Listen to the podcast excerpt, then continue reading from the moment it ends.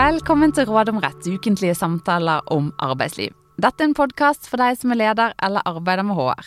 Mitt navn er Siri Falk Olsen, og jeg sitter her sammen med kollega Ragnhild Nakling. Vi er advokater og partner i advokatfirmaet Reder, og jobber med arbeidsrettslige problemstillinger hver eneste dag. Dagens tema det er igjen mangelfulle arbeidsprestasjoner. I tidligere episoder så har vi snakket om hva mangelfulle arbeidsprestasjoner er, hvordan de bør håndteres på mer uformelle måter. I dag skal vi snakke om hvilke rettslige virkemidler som kan tas i bruk når arbeidstakere ikke presterer som forventet.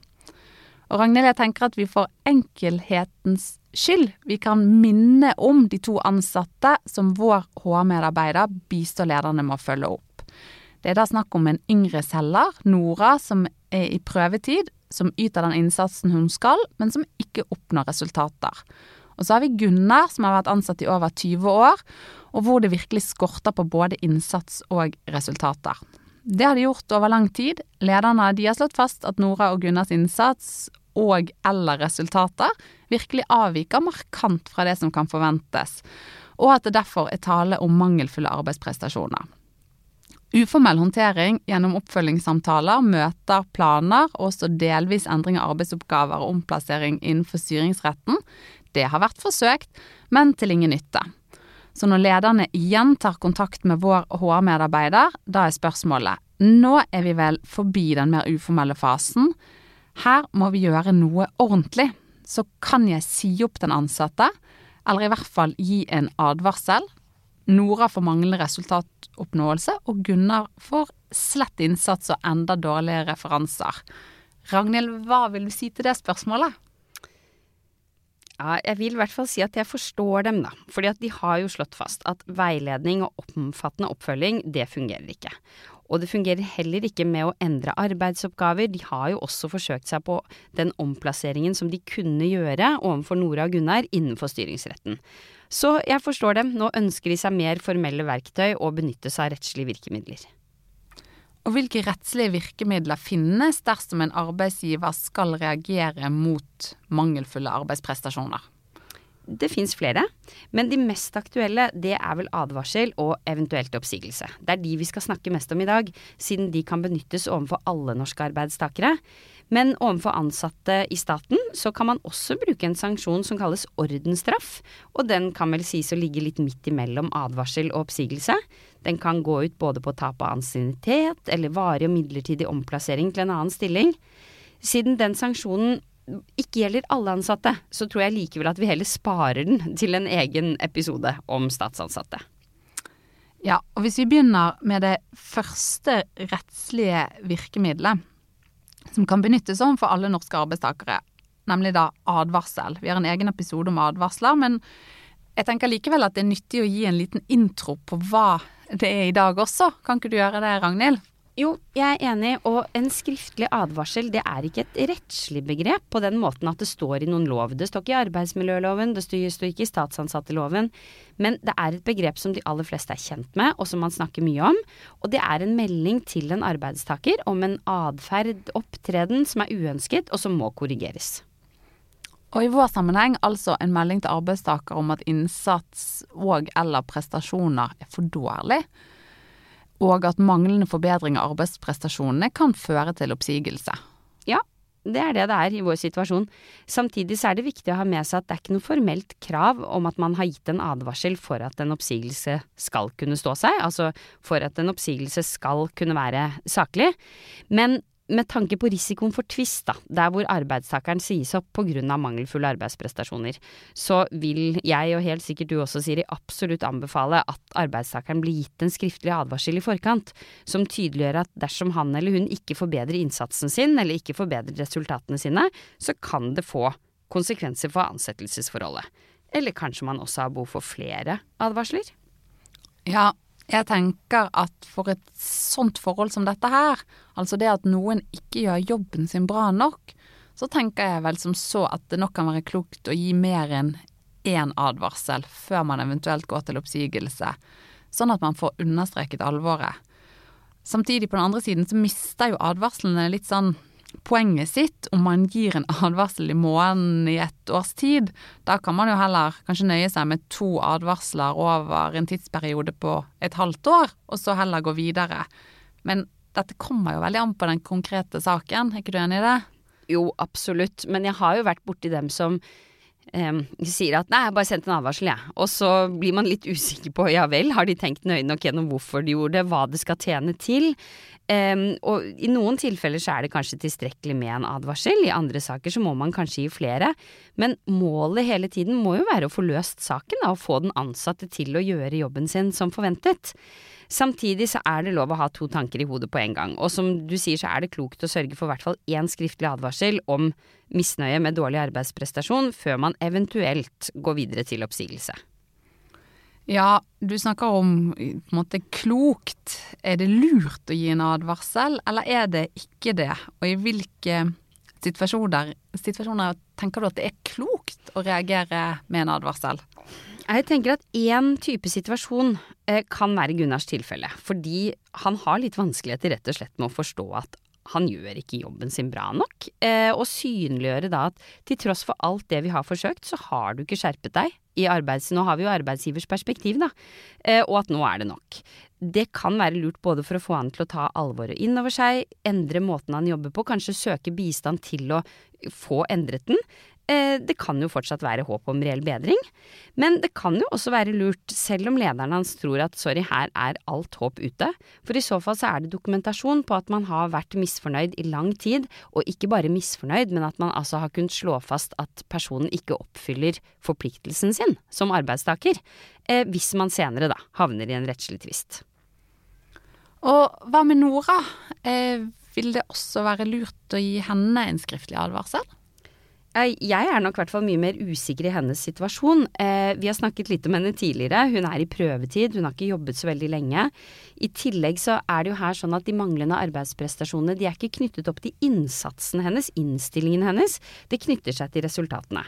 Og helt ærlig så tror jeg egentlig det bare vil være litt kontraproduktivt. Det er å gi henne en advarsel for dårlige salgsresultater. Det vil i hvert fall være veldig demotiverende. Og at det er for dårlig, det leser man enkelt ut av tallene alene. Så det er kanskje ikke så nyttig som dokumentasjon heller, for man har jo allerede dokumentert det.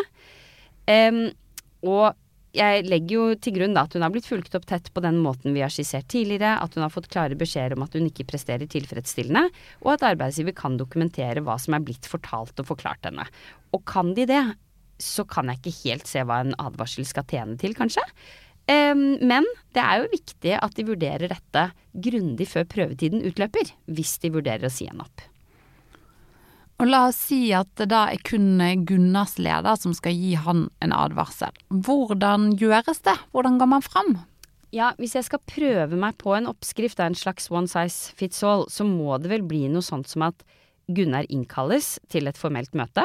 Det kan være ett i rekken av flere oppfølgingsmøter som vi har snakket om tidligere. Og det bør fremgå av innkallingen at lederen vurderer å gi han en skriftlig advarsel pga. mangelfulle arbeidsprestasjoner, og at det er tema for møtet. Og så da på selve møtet. Det er jo et møte som kanskje en del arbeidsgivere vil grue seg til å ha. Hvilke tips skal HR-medarbeideren gi Gunnars leder før dette møtet? Ja, et av tipsene bør vel kanskje være 'jeg bør være med på møtet'. Litt avhengig av hvor dyktig denne lederen er med denne type situasjoner, og hvor vant personen er til å ha den type møter. Men møtet bør i hvert fall da starte med at lederen først gjentar hva som er formålet for møtet og tydeliggjør hvilke krav og forventninger som stilles til Gunnars stilling, og gjerne vis det gjennom dokumentasjon som arbeidstakerne er kjent med, stillingsbeskrivelse, referat fra tidligere møter, og han eller hun må jo da få frem hvordan arbeidsprestasjonen er mangelfull, og forsøke å gi konkrete eksempler på det. Ja, men jeg ser jo for meg at Gunnar ikke er noe mer enig på dette møtet enn tidligere, med tanke på, på hvordan han gjør jobben sin, og hvordan håndterer man det? Nei, man, man, lytter da, og Gunnar må få anledning til å kommentere på informasjonen som han nok også har kommentert på før.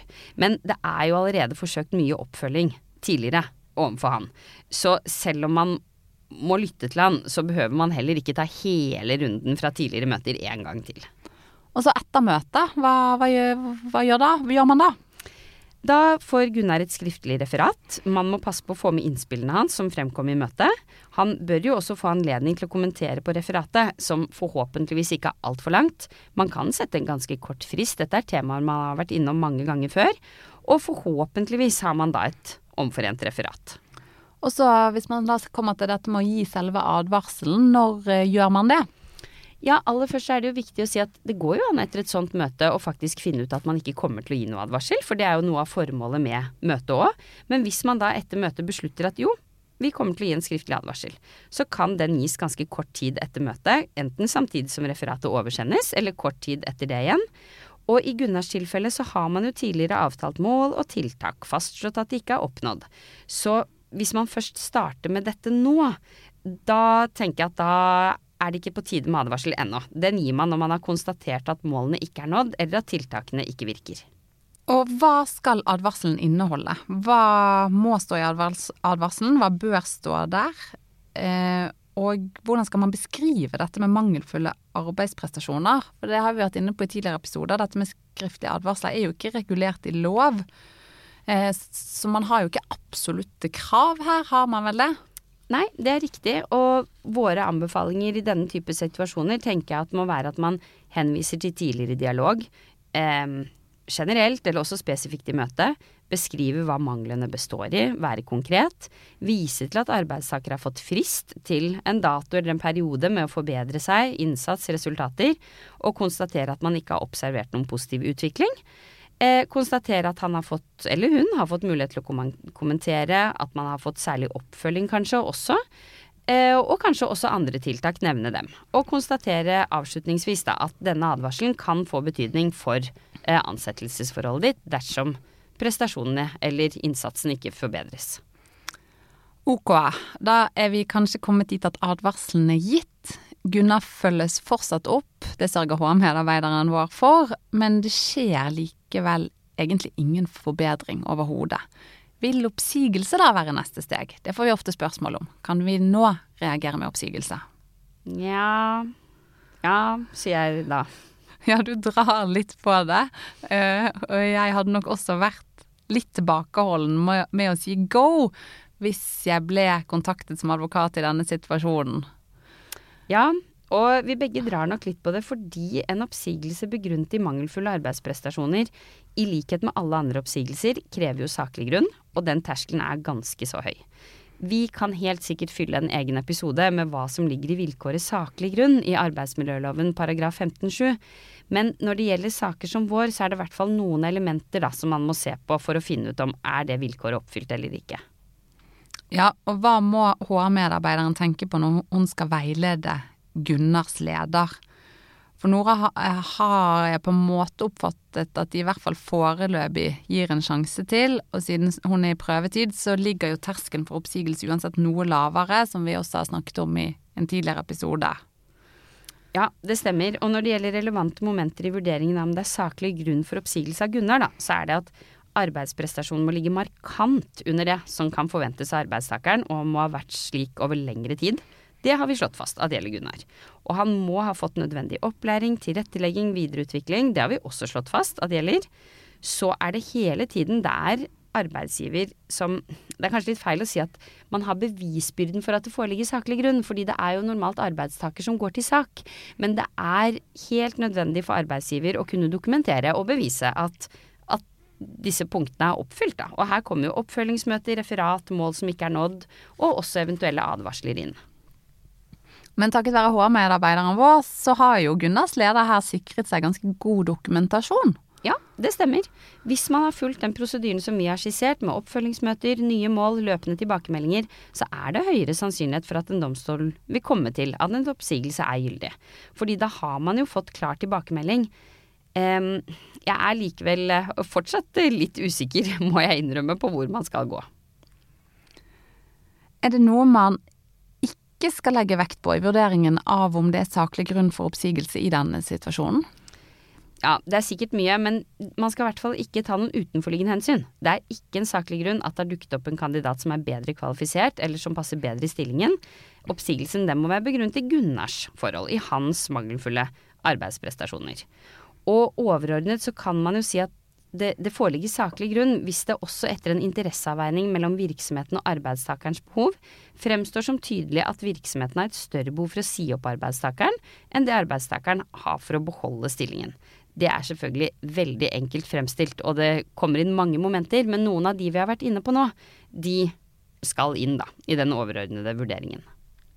Og hva hvis eh, eh, du hadde fått spørsmål om hva med en såkalt endringsoppsigelse i dette tilfellet? Kan det være et alternativ? Det, altså endre rollen til Gunnar? Et litt sånn mildere alternativ enn å gå for en, en ordinær oppsigelse? Hva tenker du om det? Jeg tenker at det kan være et alternativ, men endringsoppsigelse det er jo rett og slett en oppsigelse av et arbeidsforhold som krever saklig grunn, det er jo veldig viktig å si, men hvor man samtidig gir tilbud om en annen stilling. Det kan f.eks. være en stilling som har en del, ikke alle, men en del av de samme arbeidsoppgavene eller ansvarsområdene som den stillingen man blir sagt opp fra, har. Men kan man ikke da bare endre arbeidsoppgaven om arbeidsoppgaven, eller da omplassere Gunnar, istedenfor å liksom gå veien om endringsoppsigelse. Oppsigelse med den ene hånden og tilbud med den andre. Eh, kan det være en mulighet? Nei, fordi da er det så vesentlige endringer at det går utenfor styringsretten å omplassere han, eller å ta fra han de aktuelle arbeidsoppgavene. Og da må man ha saklig grunn for oppsigelse uansett, fordi man ikke kan gjøre det i kraft av styringsretten. Og så da til spørsmålet som, som mange lurer på.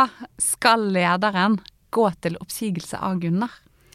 Ja, jeg tenker at grunnen til at vi er litt nølende begge to, er jo også fordi at det fins andre og kanskje bedre alternativer. Eh, vi hadde forsøkt å løse det på annet vis. Og oppsigelse som følge av mangelfulle arbeidsprestasjoner, det er ikke det at det er helt uvanlig, men det kan være utfordrende. Det er fordi at det kan være litt uklart hva en mangelfull arbeidsprestasjon er. Det kan ofte være at man mangler en sånn klar beskrivelse av ansvarsområder, mål for stillingen. Det kan være subjektive elementer og vurderinger av hva som er tilfredsstillende. Og, og, det kan være utfordrende å bevise. Så, så, ser vi ofte at det å få dette stempelet på seg, det øker jo konfliktpotensialet og gjør ofte at arbeidstakere utfordrer arbeidsgivers avgjørelse da, om å si han eller henne opp pga. mangelfulle arbeidsprestasjoner. Ja, ja det, for mange så kan det oppleves ganske vanskelig å få det stempelet på seg. Og da er det jo en risiko for at at oppsigelsen bestrides, og at eh, den ansatte da som hovedregel får stå i stilling fram til saken er rettskraftig avgjort, med alt det innebærer av formelle og praktiske forpliktelser. Det vil være en økonomisk og omdømmemessig risiko for arbeidsgiver med en sånn type sak. Og så vil jo en oppsigelsessak som går mot en rettsprosess, være ressurskrevende for hele organisasjonen. Denne HR-medarbeideren og nærmeste leder skal jo i så fall sette av en god tid til det fremover. Og så er jo det med enhver sak for domstolene, det vil alltid være usikkert hva utfallet blir. Ja, det er helt sant. Samtidig så tenker jeg at det er jo viktig for oss som vi jobber med disse tingene hver dag, og vi finner nesten alltid løsninger på disse situasjonene. Så etter på en måte denne lange, litt sånn advarende pekefingeren om alt som er vanskelig, så finner man jo nesten alltid løsning på denne type situasjoner. Men det er ikke alltid at den løsningen går helt fram til det som heter oppsigelse. Samtidig, hvis man ikke lykkes med denne oppfølgingen, ikke lykkes med alternative veier til målet, og mener at man har saklig grunn for oppsigelse, så er det oppsigelse av Gunnar som til slutt blir svaret på hvordan denne situasjonen skal løses. Så Ragnhild, for å oppsummere, tre tips til arbeidsgivere som vil ta i bruk liksom de mer rettslige virkemidlene overfor ansatte som viser mangelfulle arbeidsprestasjoner. Det ene er at man bør begynne med å gi en skriftlig advarsel. Det er ingen formell betingelse eller vilkår for oppsigelse, men det er det i praksis i denne type saker. Og det andre det er at det skal mye til for at du som arbeidsgiver skal kunne dokumentere saklig grunn for oppsigelse som er begrunnet i mangelfulle arbeidsprestasjoner. Hvis du skal gå for det, så må du ha god skriftlig dokumentasjon på problemet og hvordan det er forsøkt fulgt opp over lang tid. Og det tredje det er å prøve å finne alternativer til oppsigelse. Det aller beste i denne type situasjoner er nok å komme frem til en sluttavtale som gjør at partene kan gå hver sin vei, og forhåpentligvis for Gunnar begynne litt på nytt. Det var det vi hadde. Takk for i dag. Vi kommer tilbake med nytt tema og nye tips i neste episode. Har du som hører på ønsker om hva vi skal snakke om, så send oss gjerne en e-post til sifa.raeder.no eller rana.raeder.no.